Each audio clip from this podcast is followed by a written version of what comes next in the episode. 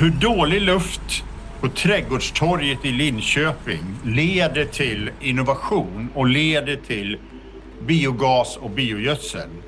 Och varför finns det fördelar att som Tekniska verken i Linköping ha hela kedjan produktion, elnät, elhandel, fjärrvärme, biogas, biogödsel.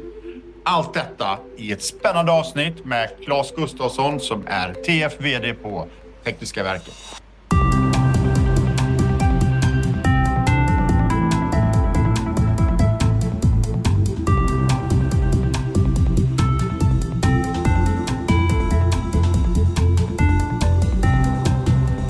Varmt välkommen till Futura-podden. En podd som Ställa Futura står bakom. Vi tror på kunskap och att dela den med andra. Därför har vi skapat denna podd. Och vi kommer att prata energi och omställning. Och vi kommer att göra det med intressanta och spännande gäster. Vi som kommer att finnas med här är jag, Ulrika Tornerefelt, som är VD och grundare för Stella Futura. Och jag, Per Stegman. Jag är författare och rådgivare och har det stora nöjet att leda denna podd tillsammans med Ulrika.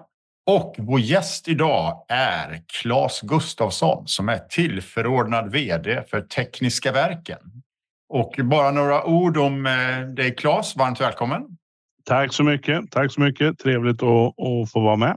Precis. Eh, med lite så här skrivbordsresearch så kan man konstatera att du har suttit i ledningen eh, för Tekniska verken i över 12 år. Yep.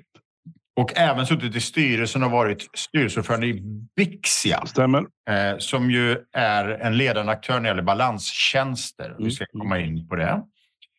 Men jag tänkte bara först, hur har din väg liksom, i energibranschen, hur har den sett ut? Jag började mitt första lönarbete i energibranschen med att måla elskåp i ASEA-grönt eh, på Mjölby Svartådalen Energi. Eh, jag tror det var 1985. Eh, när man gick teknisk linje var det så att man var tvungen att ha sommarpraktik sex veckor. Och då var jag på Mjölby Svartådalen Energi och då var det första jag gjorde som sagt att måla gamla gjutjärnselskåp i ASEA-grönt. Och sen är det en spikrak väg. Ja, inte riktigt. Eh, det, det, blev ett mellanläge som officer under ett antal år eh, där och, och, så blev det lite, lite eh, säkerhetssälj. Men sen eh, så blev det från eh, fjärrvärmesäljare, fjärrvärmechef, eh, vd i Mjölby Svartådalen Energi i ungefär tio år och sen nu på Tekniska verken då, eh, bit över tolv år. Och Bixia ja. som du sa har ju faktiskt hunnit bli i styrelsen. Det har hunnit bli, jag tror jag är uppe i 21 år i styrelsen på Bixia nu. Eh, så det är ju rätt länge.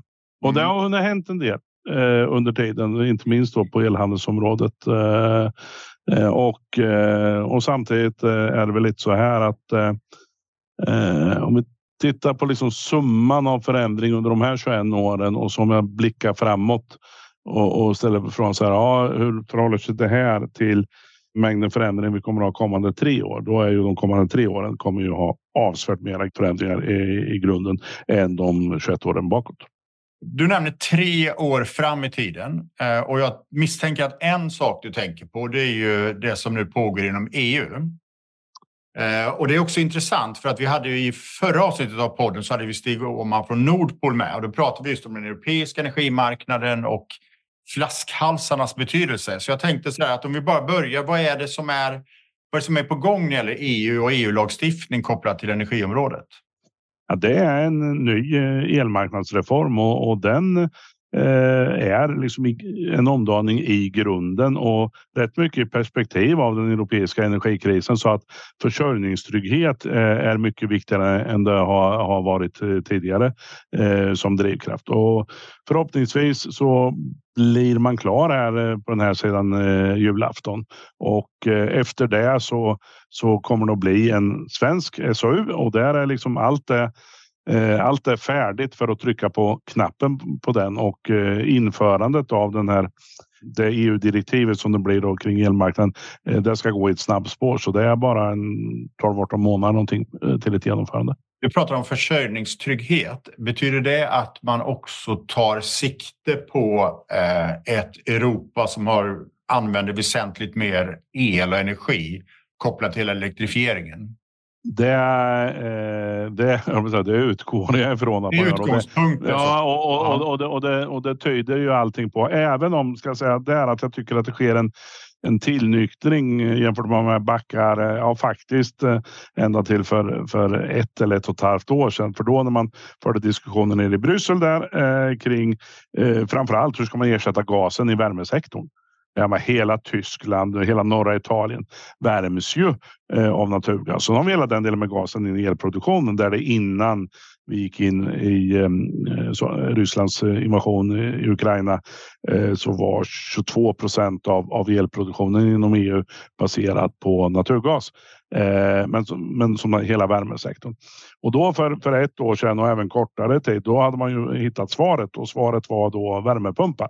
Och om man då förde en diskussion och sa, ja men har ni inte tittat på fjärrvärme som en möjlighet? Det är ju faktiskt så. Det finns en, en gammal Sven Werner-studie från 00-talet, professor i, i Halmstad, och han har varit Chalmers också, som visar på att det finns spillvärme. Det finns liksom långt mer spillvärme inom EU än vad det går åt eh, en värme att värma upp alla hus. Det är liksom bara att lägga ner rör. Eh, så. Eh, nej, men då, då blir svaret så här att nej, det blir besvärligt för då måste man ju gräva. Och vi har kommit på att elledningar, det har vi ju redan, så då slipper vi gräva. Eh, och så försöker man föra lite dialog och så konstaterar man ja, ja, låt tiden gå. Ge dem ett halvår så kommer de att upptäcka att det faktiskt är på det sättet att olika tjocklek på elledningar eh, krävs beroende på vilken kapacitet man ska ha. Annars kan man få flaskhalsar eh, till och med på varenda villagata. Eh, och nu har det blivit en, en lite insikter där det har landat in så att definitivt är ju elektrifiering eh, och, och oerhört mycket mer elanvändning. Det är ju jättenödvändigt i omställningen. Men det vore också klokt att, att använda att inte bara titta där utan för värmesektorn också titta på de spillvärmekällor eh, som finns eh, inom Europa och använda dem till upp, uppvärmning. För vi kommer att nog bekymmer med, med att få elen att räcka till eh, här för allt som den ska användas till. Mm. Och jag tänker om vi bara eh, går tillbaka till liksom den här elmarknadsreformen. Mm. Vad hoppas du av den? Jag hoppas att eh, de nordliga länderna klarar av att lite vinna över de sydliga länderna. Där har de en del delar.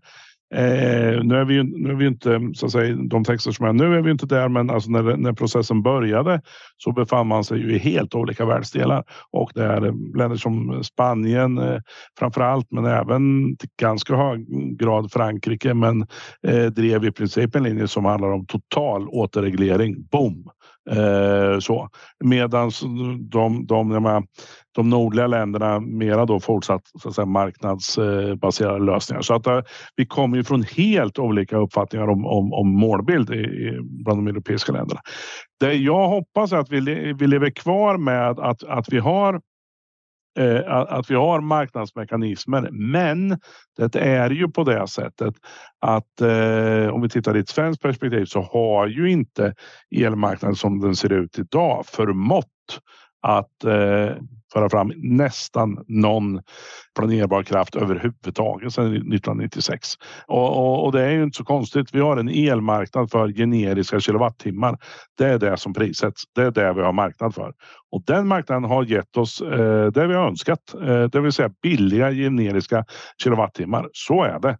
Men den innebär ju inte försörjningstrygghetsaspekter och, och de sakerna. Det är inte en marknadsfunktion heller att göra. Så att jag, jag hoppas att vi får en förändring där det blir mera fortfarande som en marknadsfunktion, men, men där ramarna blir lite tydligare och, det, och där det är flera saker som, som vi värderar i marknaden. Och egentligen kan jag säga så här att avregleringen den skapades ju precis som alla andra avregleringar eh, på den tiden egentligen det gjordes ju 90-talet men, men utifrån 80-talsdiskussion eh, som, som hade en utgångspunkt. Nu är västvärlden färdigbyggd.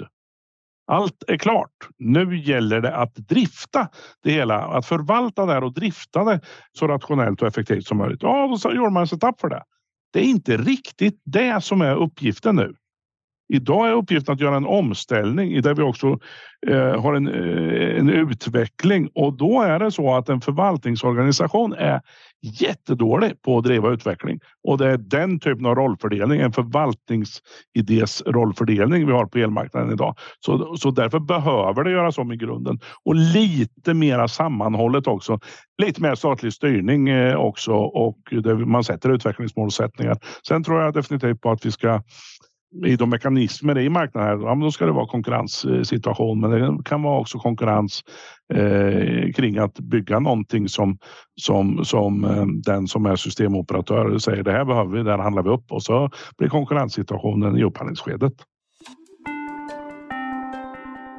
Jag skulle också vilja ställa en fråga, Claes. Ja. Eh, mm. vi är ju inne i det här enorma paradigmskiftet nu och det vi tycker är så spännande med Tekniska verken är ju att ni är en väldigt mångfacetterad energiaktör på marknaden. Nätägare, mm. elproducent, äger också Bixia som är balansansvarig. Om man hugger upp den här elefanten lite då i era olika roller, hur hur ser du, vad blir det liksom för utmaningar och mm. nya möjligheter för er mm. inom de här olika områden med den här nya reformen? Vi, vi har eh, under ett antal år, säg fyra, fem, sex år, eh, så har eh, vi drivit en linje där vi har sagt så här. Vi tror att det för att möta framtidens utmaningar kommer att behövas en roll som regional systemoperatör den är vi intresserade av att ta. Vi tycker att vi är lämpliga att ta den just beroende på den bredden som du beskriver Ulrika, att vi har de kompetenser vi har redan idag. Sen sker en utveckling som gör att vi måste ha nya kompetenser. Eh, det finns också ett antal sådana som är kanske inte riktigt lika breda som oss, men, på, men lika, i princip lika breda på energiområdet. I form av regionala eh, energibolag eh, ägda av kommuner eh, som också har lik, liknande goda förutsättningar att ta den här rollen. Varför är vi så bra då? Jo, det är bredden som man säger och det handlar om hela delarna i, i på elområdet avseende produktion, avseende elhandel eh, och avseende eh, elnät. Men det handlar också om att mycket av eh, produktionen är i form av kraftvärmeproduktion och vi har då fjärrvärmeproduktion. Och här talar vi ju Eh, e EU-mässigt mycket om sektorskoppling som är en viktig del i, i, effektivitet. Och då är det så att i och med att vi, vi har förutsättningarna att, att kunna eh, göra den här sektorskopplingen. Sen är det självfallet på det sättet att den här typen av regional systemoperatörsroll det måste vara en oberoende roll. Eh, så den måste, den måste kringgärdas av reglering på liknande sätt som elnätsbolagen eh, har reglering idag. Det här med sektorskoppling, det är någonting som vi faktiskt inte har pratat så mycket om eh, i något avsnitt än, men det är ju en väldigt viktig optimeringsfråga. Mm. Kan du beskriva lite mer om vad det är för lyssnarna? Ja, alltså en del när vi, när vi pratar om eh, vi behöver ha lagring då. Eh, vi, har, vi har eh, till exempel vi har vindkraft eh, här som producerar mycket när det blåser eh, och sen är det inte nödvändigtvis så att kons konsumtionen följer, följer det mönstret. Så då har vi lägen där det är väldigt mycket, eh, mycket vindkraft. Vi har ju till och med då ganska ofta nu negativa priser och då skulle man kunna säga, men då, då skulle vi behöva lagra eh, den elen och det kan man göra. Eh, och man kan ju lagra den som el i batterier, eh, men att lagra energi i batterier är jättedyrt. Batterier är jättebra för att ha stabilitet och att egentligen lagra effekt eh, mera än att lagra energi. Ja, vad kan man lagra energi i andra saker? Då? Ja, man, vätgas kommer ju fram då ofta. Eh, men fortsatt är det så att hela varvet runt, det vill säga om jag har eh, el, jag gör vätgas av det jag lagrar den vätgasen och så kör jag den genom en gasturbin för att få el igen. Då har jag ungefär 35 procents verkningsgrad på hela varvet runt. Ah, det var ju inte så bra. Va? Finns det några andra tekniker? Ja, pumpkraft är ju en eh, gammal fin teknik. Då har vi vattenkraften eh, och så har vi ett magasin och så eh, kör vi vatten genom turbin och så gör vi el. Eh, men så har vi tillfällen när vi har de här negativa priserna när det blåser mycket. Då kör vi igång en pump och, eh, istället med den här elen så pumpar vi upp vattnet eh, och då flyttar vi så att säga, energin och gör den gör den laglig. Där har vi över 80 procents verkningsgrad varvet runt, så den är ju liksom energieffektivitetsmässigt eh, mycket bättre.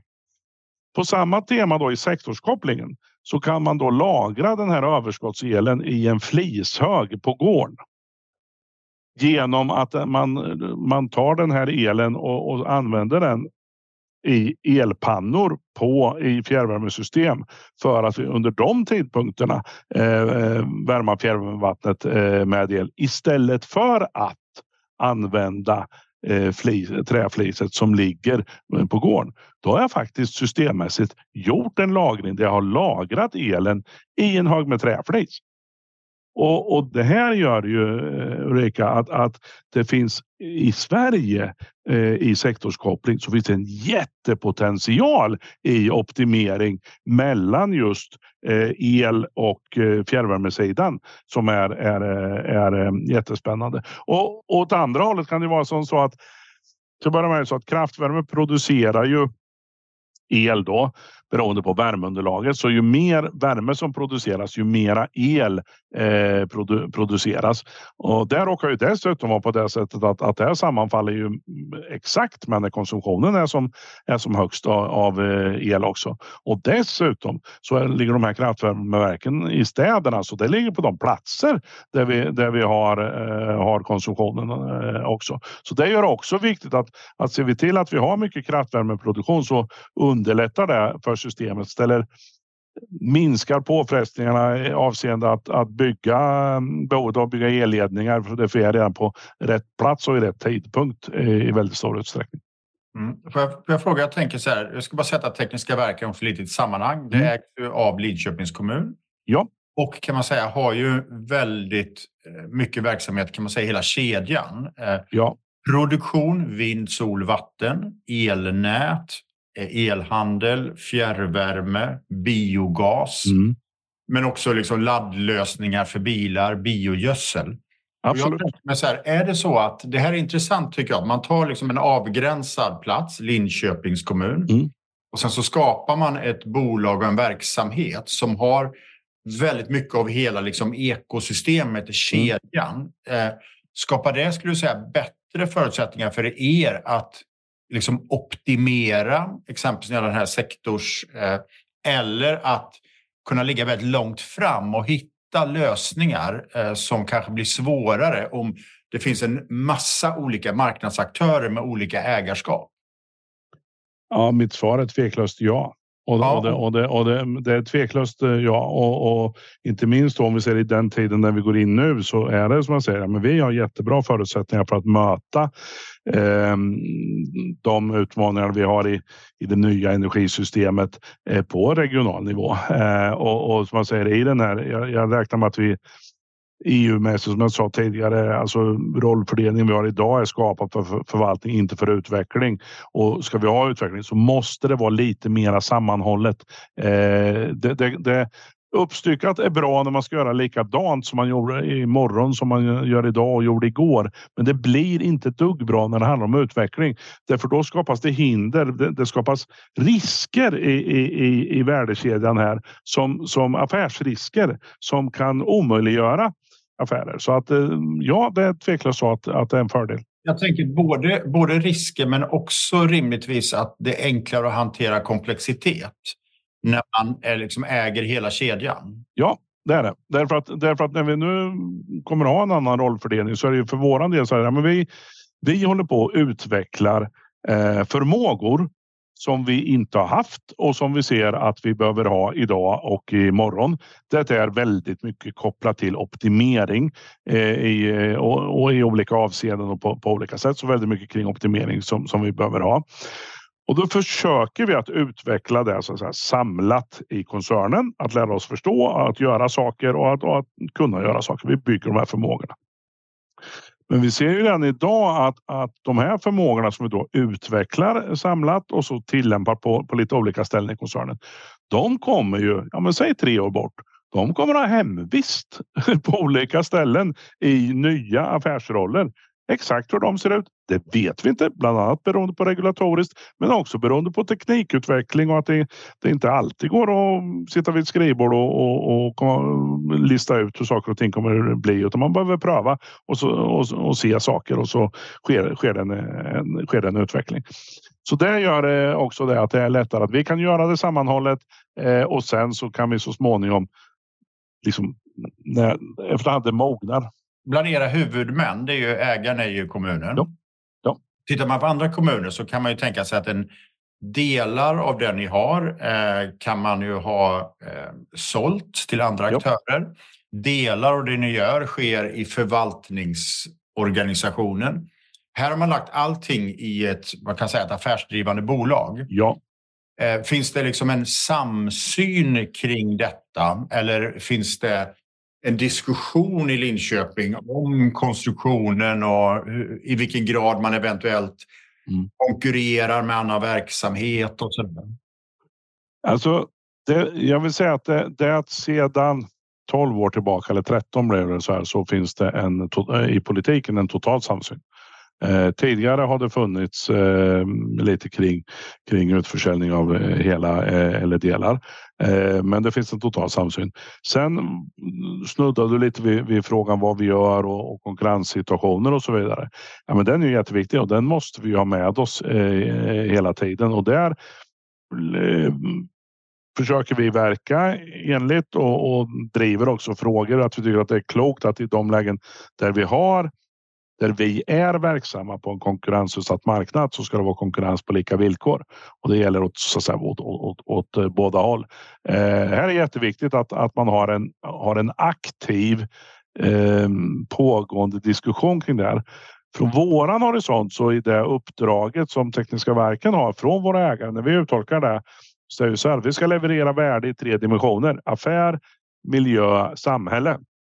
Det innebär alltså att vi, vi, vi definierar hela vår verksamhet som liksom den trebenta pallen i hållbarhet. Så det är vår grund. Så vår, vår verksamhet är hållbarhet och ska vara eh, hållbarhet.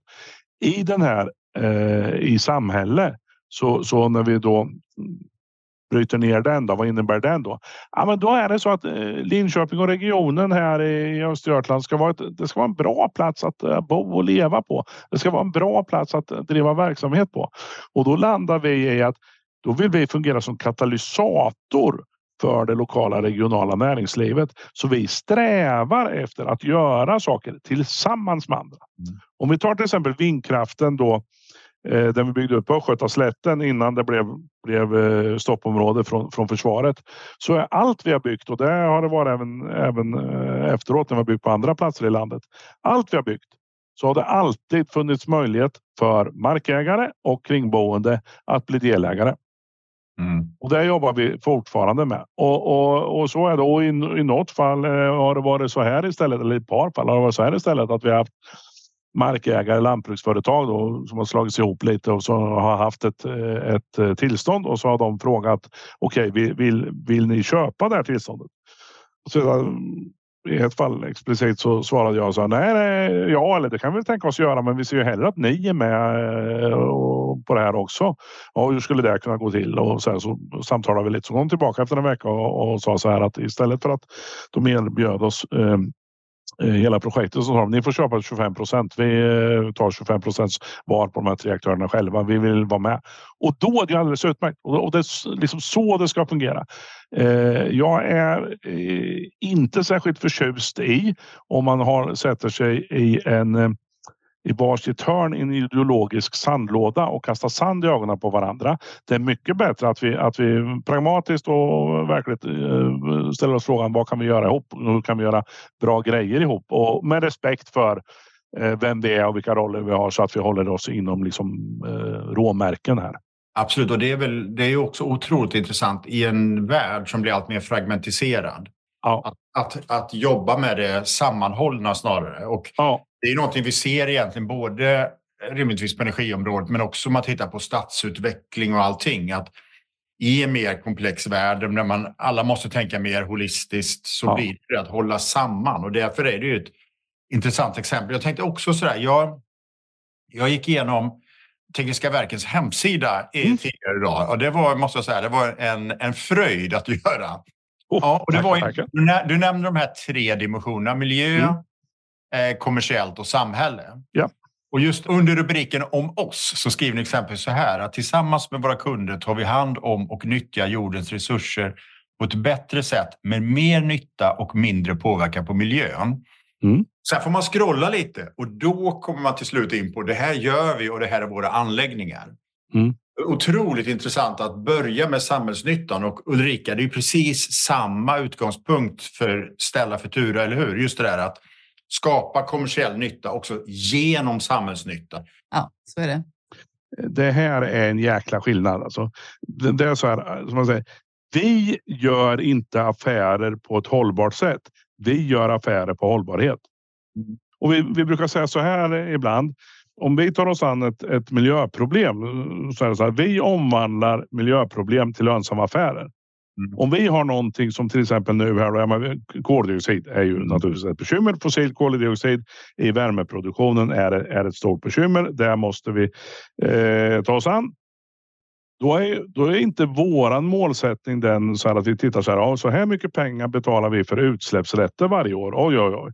Vi ska minska de här kostnaderna ner så de blir så låga som möjligt. Där sätter inte vi ribban. Vi sätter ribban på det här. Mm. Vi ska se till att vi ska tjäna pengar på koldioxid. Mm. Vi ska omvandla minus till plus. Vi mm. vill byta tecken på grejerna. Eh, det är, vill jag säga, det är tekniska verken DNA och det är som vi har, har, har, gjort genom, genom åren.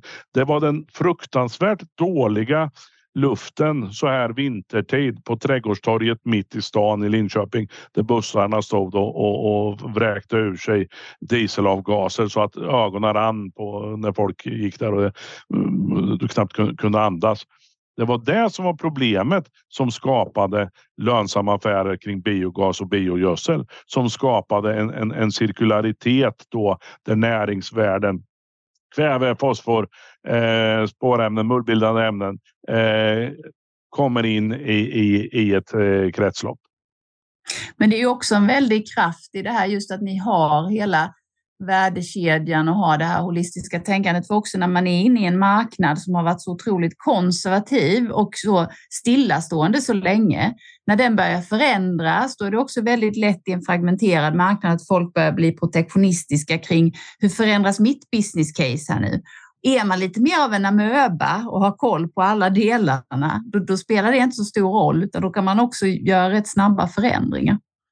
Ja, det är sant. Sen eh, är det ju i ärlighetens namn så att, att eh, det är klart, precis som du säger där Ulrika, så har det ju varit eh, eh, tämligen stilla länge och då skapas ja. ju kulturer och olika delkulturer eh, i de verksamheter man håller på med. Så det är klart att, att det är en utmaning för oss också. Ja. Eh, men, men, men, Viss rigiditet också. Ja, ja men du har helt rätt i att, att det ändå är eh, det ändå är lättare och lättare att, att eh, se och hitta nya affärer.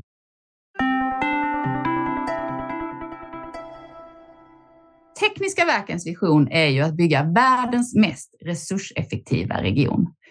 What's the next big thing vi har att se fram emot? Ja, det är att eh, göra nya cirkulära eh, affärer och att skapa det eh, i anslutning till, till, till eh, de eh, anläggningar vi har idag. Eh, jag har en målsättning att vi någonstans där en par år in på, på 2030-talet ska ha 100 nya miljoner på sista raden från affärer eh, baserade på resurseffektivitet och cirkularitet och som idag inte har en aning om vad det är. Berätta mer om det. 2030 Eh, då ska det på Gärstaområdet som är det som jag tror många av de som lyssnar känner till. Det är de två glashusen som ligger bredvid E4 eh, utanför Linköping. Man åker förbi och där vi har väldigt mycket internationella besök och haft genom åren. Men 2030 då ska det, det området, då ska det stå en till två fabriker som tar utsorterad avfallsfraktion och förädlar det till kvalitetssäkrad råvara, återvunnen råvara som kan gå in i industriell produktion, eh, produktion av nya eh, material. Vi vet inte än vad det där kommer att vara, men vi, har, vi, har, vi håller på med ett antal förstudier och det finns väl ett par grejer som är lite längre eh, än det. Och då ska vi bygga det vi här kallar för Gärsta Circular Center detta ska vara den plats i världen som man 2030 åker till för att studera eh, industriell symbios. Det får vara slut. Åk till Kalundborg i Danmark för att titta på en, på en fossilbaserad industriell symbios. Jag lovar, jag ska som, som, har, sin, som har sin bakgrund i 70-talet eller något i den stilen. Utan då är det hit man ska åka. Eh, och inte bara för som man gör, gör från hela världen och titta på energisystemsfrågor utan på cirkulära eh, delar. Ja, men du säger så här, vi vet inte riktigt vilka råvaror det är, men vad, kan du berätta lite, vad skulle det kunna vara? Ja, intressant. Ja, vi säger så här, ett, ett första steg som vi tar nu och det håller vi på att bygga. Vi håller på att bygga en sorteringsanläggning för en halv miljard. Där kommer vi då ta eh, det vi kallar för restavfall eh, och det vanliga människor kallar för sin vanliga soppåse eh, då som man har under diskbänken, vanliga hushållsavfallet. Då kommer vi ta att, att eh, slita upp de påsarna och så kommer vi att sortera ut sex olika fraktioner ur den där. Det kommer att vara eh, magnetisk metall, icke-magnetisk metall, plast, eh, papper, organiskt och sen övrigt. Då. Så är vi uppe i, i sex fraktioner. Ja, det är ett första steg. Då har vi, då har vi gjort det. Va? Då, har, då, har vi, re- då har vi utsorterat fraktioner. Och Man gör det är det då, automat, äh, automatiserat då? Japp, japp, japp. Mm. Så att det, är- det är med massa sensorer och så vidare. Likartad teknik som, som eh, den anläggningen som Svensk Plaståtervinning invigde för tre veckor sedan när vi nu är i Motala. Eh, så. Och eh, då får vi ut det och, och, och det är ett första steg. Och, och när vi gör det så är en sak vi åstadkommer då är att vi, vi får bort mycket av plasten i avfallet. Det innebär att vi kommer att ha mindre mängd fossilt plast som går in till förbränning. Därmed så kommer vi släppa ut mindre eh, koldioxid med fossilt ursprung eh, i vår kraftvärmeproduktion. Så det är ju liksom eh, eh en eh, nytta där. Men, men och, och då, ja, men plasten är ju så. Tittar vi på plastförpackningar så är det ju så. I alla fall i Linköping och egentligen i landet också. Så de flesta plastförpackningar hamnar inte i eh, förpackningsinsamlingen utan de hamnar i den här eh, hushållsavfallspåsen. Så då kommer vi kunna få mera som vi kan skicka till Mattias i Motala. Så det blir mera som blir, går in och blir, blir eh, återvunnen plast. Eh, och sen eh, och det organiska där, det, det kommer att bli biogas. Och sen så är det ju då på våra återvinningscentraler så hanterar vi ju massa andra typer av material som kommer in. Och då tittar vi på de materialen och så får vi se vad, vad det blir.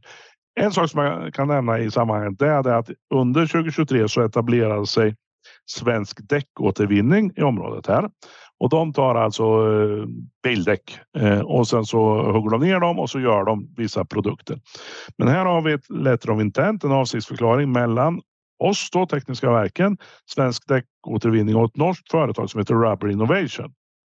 Eh, och där tittar vi på att eh, kan det vara en bra idé? Är det görbart att utifrån de här eh, återvunna däcksresterna upphuggna köra in dem i en pyrolysprocess eh, och att utvinna kimrök ur den här pyrolysen. Och den kimröken är då det är en råvara som man har när man gör nya däck. Mm.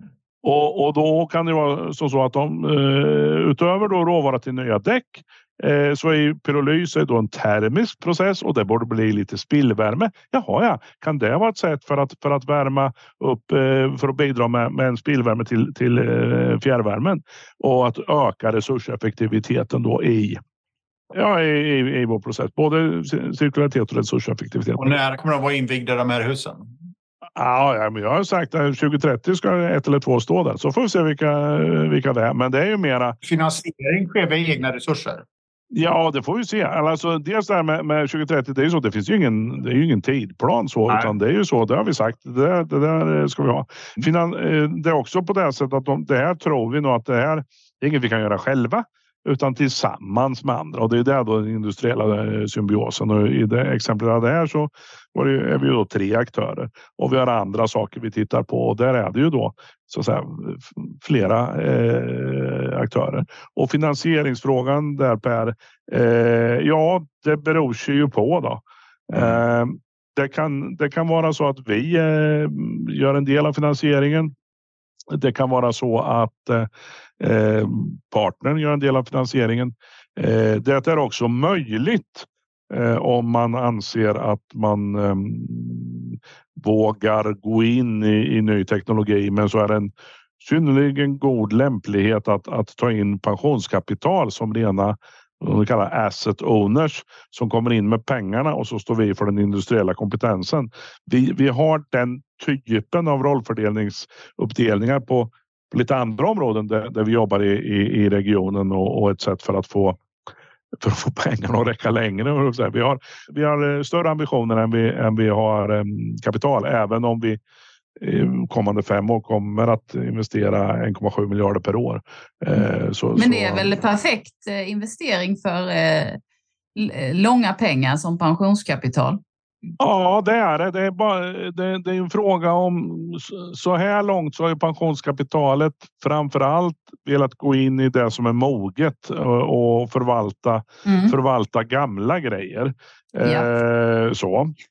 Eh, så så har det varit. Men, men det är klart att jag håller med dig att jag tycker också att det vore perfekt i att, att vara lite eh, lite mera framåtlutad eh, i, delar av pensionskapitalet för att verkligen vara med och bidra till omställningen. Jag tänker också som du beskriver ambitionen så är ju risken ändå balanserad. Det är inte så att ja. ni bettar på en helt ny teknologi eller någonting utan det bygger väldigt mycket på befintliga teknologier. Ja, så är det ju och, och den delen. Ja, men där är ju. Ja, men vi, vi, kan ju vi kan ju göra och det gör vi ju saker med. Eh, men, men det det vi gör helt nya utveckling och så. Vi har ett patentportfölj med ett 15-tal patent i Tekniska verken, främst inom biogasområdet, men även, även andra områden. Så vi kan, vi kan ju göra de här sakerna. Men, men till exempel vad vi, in, vad, vad vi inte kan göra, det är att säga så här, ja, men vi, eh, Nej, men det här med, med förgasning eh, från, med avfall som bränsle, det vore ju spännande. Det är ingen som har lyckats med det än så länge. Vi går in och med full risk bygger en sån, anlägg en sån anläggning för två miljarder. Eh, nej, det nej. gör vi inte utan att liksom ha leverantörsgarantier. Nej, det går ju inte. Det, det, är omöjligt. Så, så, att, så att Precis som du säger Per. Det är olika typer av kapital som eh, med olika risk. Och... Ja, det är det. Där är det ju liksom. Du får ju inte dit om jag säger vanligt riskkapital till, till en sån grej heller, Nej. utan där krävs det ju liksom någon form av offentlig finansiering eller i alla fall riskavlyft i sådana saker. Så det, det, eh, det gör vi inte, utan precis som du sa, eh, balanserad risktagning och gärna att kunna ta det steg för steg. Ett, ett annat område som, som är, och det får jag lite koppla ihop eh, resurseffektivitet och klimat. Så, eh, och det jag sa om, om eh, koldioxid från kostnad till lönsam affär. Så, så jag tror ju, det ena är så här att ja, vi, vi, vi, vi måste ta bort koldioxid ur atmosfären. Vi måste släppa ut mindre, men vi måste också ha negativa utsläpp och, och, och ta bort koldioxid. Så.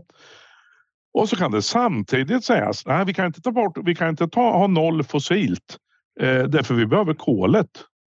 Det är brist på kolatomerna. Men, men vänta nu. Ska vi, ska vi samtidigt ta ur kolatomer i form av koldioxid och så ska vi slutförvara det liksom ner i berggrunden eller, eller på havsbotten.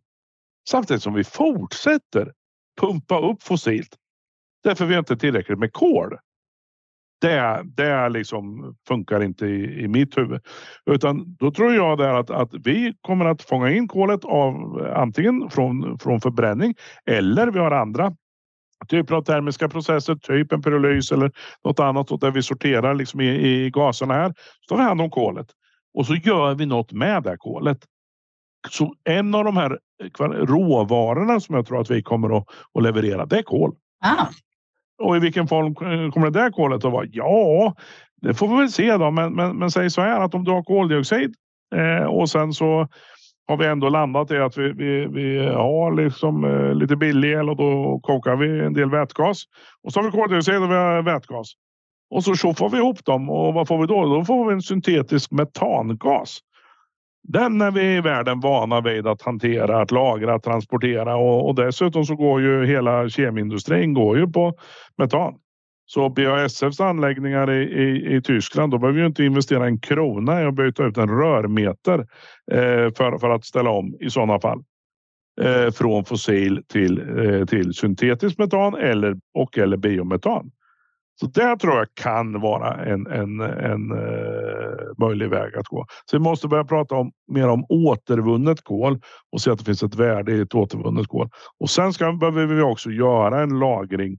Jag tycker att lagringen mera ska ha angreppssättet att vi tittar på saldot på hur mycket kol som är inlagrat i biosfären, alltså i naturen och i teknosfären i, i, i, i samhället. Och så säkerställer vi att det här saldot ökar. Det kan öka genom att det är eh, att virkesförrådet stiger, liksom summan virkesförråd. Det kan också öka genom att mängden matjord, saldo på mängden matjord ökar. Eh, därför där har vi dessutom ett problem med att vi har en, en utarmning med för låg mullhalt. Så ökar vi den så får vi både en, en inlagring med en halveringstid på 50-100 år på, på kolet. Både en inlagring och vi får samtidigt bättre skördar. Det är väl en bra idé? Jag inser att det, eh, kolets kretslopp och ja. denna dialog, det är ett helt avsnitt i sig. Skulle jag ja, för att det är en serie. Ja, eller men allt hänger ihop. Ja, men för just det. Jag brukar säga så här att alltså, jag, jag är fascinerad över eh, hur, hur lite eh, som finns i minnet från, från NOn i högstadiet. Ja, slå upp NO-boken, så hade du på ett uppslag så hade du vattnets kretslopp. Så på ett annat så hade du eh, kolets ah, kretslopp. I know. Min pappa var biologilärare så jag ja, kommer inte undan kan jag säga. Nej, du ser. Så hur intressanta samtalen är eh, kring kolets kretslopp och annat så måste vi tyvärr eh, gå ner mot landning. Men eh, det kan ju mycket, mycket väl vara så Claes att vi återkommer med fler inbjudningar till dig. Och det är så att vi ställer tre frågor till alla våra gäster och den ställer jag såklart till dig också. Och den första frågan är, vilket är ditt favoritenergislag? Vattenkraft. Det är, det är den vackraste kraften. Titta bara på byggnaderna som ofta är eh, skapade av sin tids främsta arkitekter. Funktion och estetik. Ja. En gemensam enhet. Och när det gäller energisystemet då? Finns det något land som du tycker att Sverige kan lära av? Alltså, nu blir det lite tråkigt svar. Egentligen är svaret nej. Eh, och, och, varför säger jag det? Jo, det är därför att vi, vi, vi har hos Tekniska verken har och har genom åren haft. Vi har besök från hela världen. Det är bokstavligt alla världsdelar och titta på energisystemet i Linköping. Eh, därför det har extremt hög resurseffektivitet. Däremot är det, är det ju på det här sättet att vi nu går in i nya utmaningar kring, kring så att säga, stabilisering, eh, optimering i, i kortare tidsintervaller. Eh, och, och där måste vi lära nytt, men det är inte riktigt på det sättet att, jag, att jag kan peka på någon plats eh, i världen dit vi kan åka och titta på det. Så här tror jag nog att vi, vi eh, får tänka själva och snarare, snarare eh, ställa oss frågan, finns det någon annan typ av komplexa system som vi kan titta på eh, för, för att lista ut hur vi ska göra optimeringslösningar? Och då ligger det, om man är i Linköping så ligger det nära till hands att man tittar på flygsystem. Det är mm. komplexa optimeringsfrågeställningar där också, så snarare det. Andra mm. teknikområden än annan geografi. Och en avslutande fråga då. Vad får dig att känna dig energisk? Det är ju när man tillsammans med, med, med andra eh, befinner sig i de diskussioner vi har varit idag och, och, man har någon och det kommer upp någon idé, någon tanke kring lösning eller, eller man driver en lösning eh, framåt. Det eh, får mig att känna mig både glad och energisk. För jag är ju, jag är ju helt övertygad om, jag, jag, jag ser ju de utmaningar vi har framför oss, eh, ser ju jag inte som liksom någon form av dysterhet utan det är ju, det är ju jättesvåra utmaningar men jäklar vad mycket roliga grejer vi kom, och bra grejer vi kommer att kunna göra. Tack så mycket och eh, härliga slutord i dur. Eller vad säger du Ulrika? Stort tack Claes, ett nöje att ha haft dig här. Ni har lyssnat på Futura-podden, en podd som Stella Futura står bakom. Vi tror på kunskap och att dela den med varandra. Därför har vi skapat denna podden. Hör gärna av dig med idéer på teman och gäster. Du hittar oss på LinkedIn och stellafutura.com. Tack!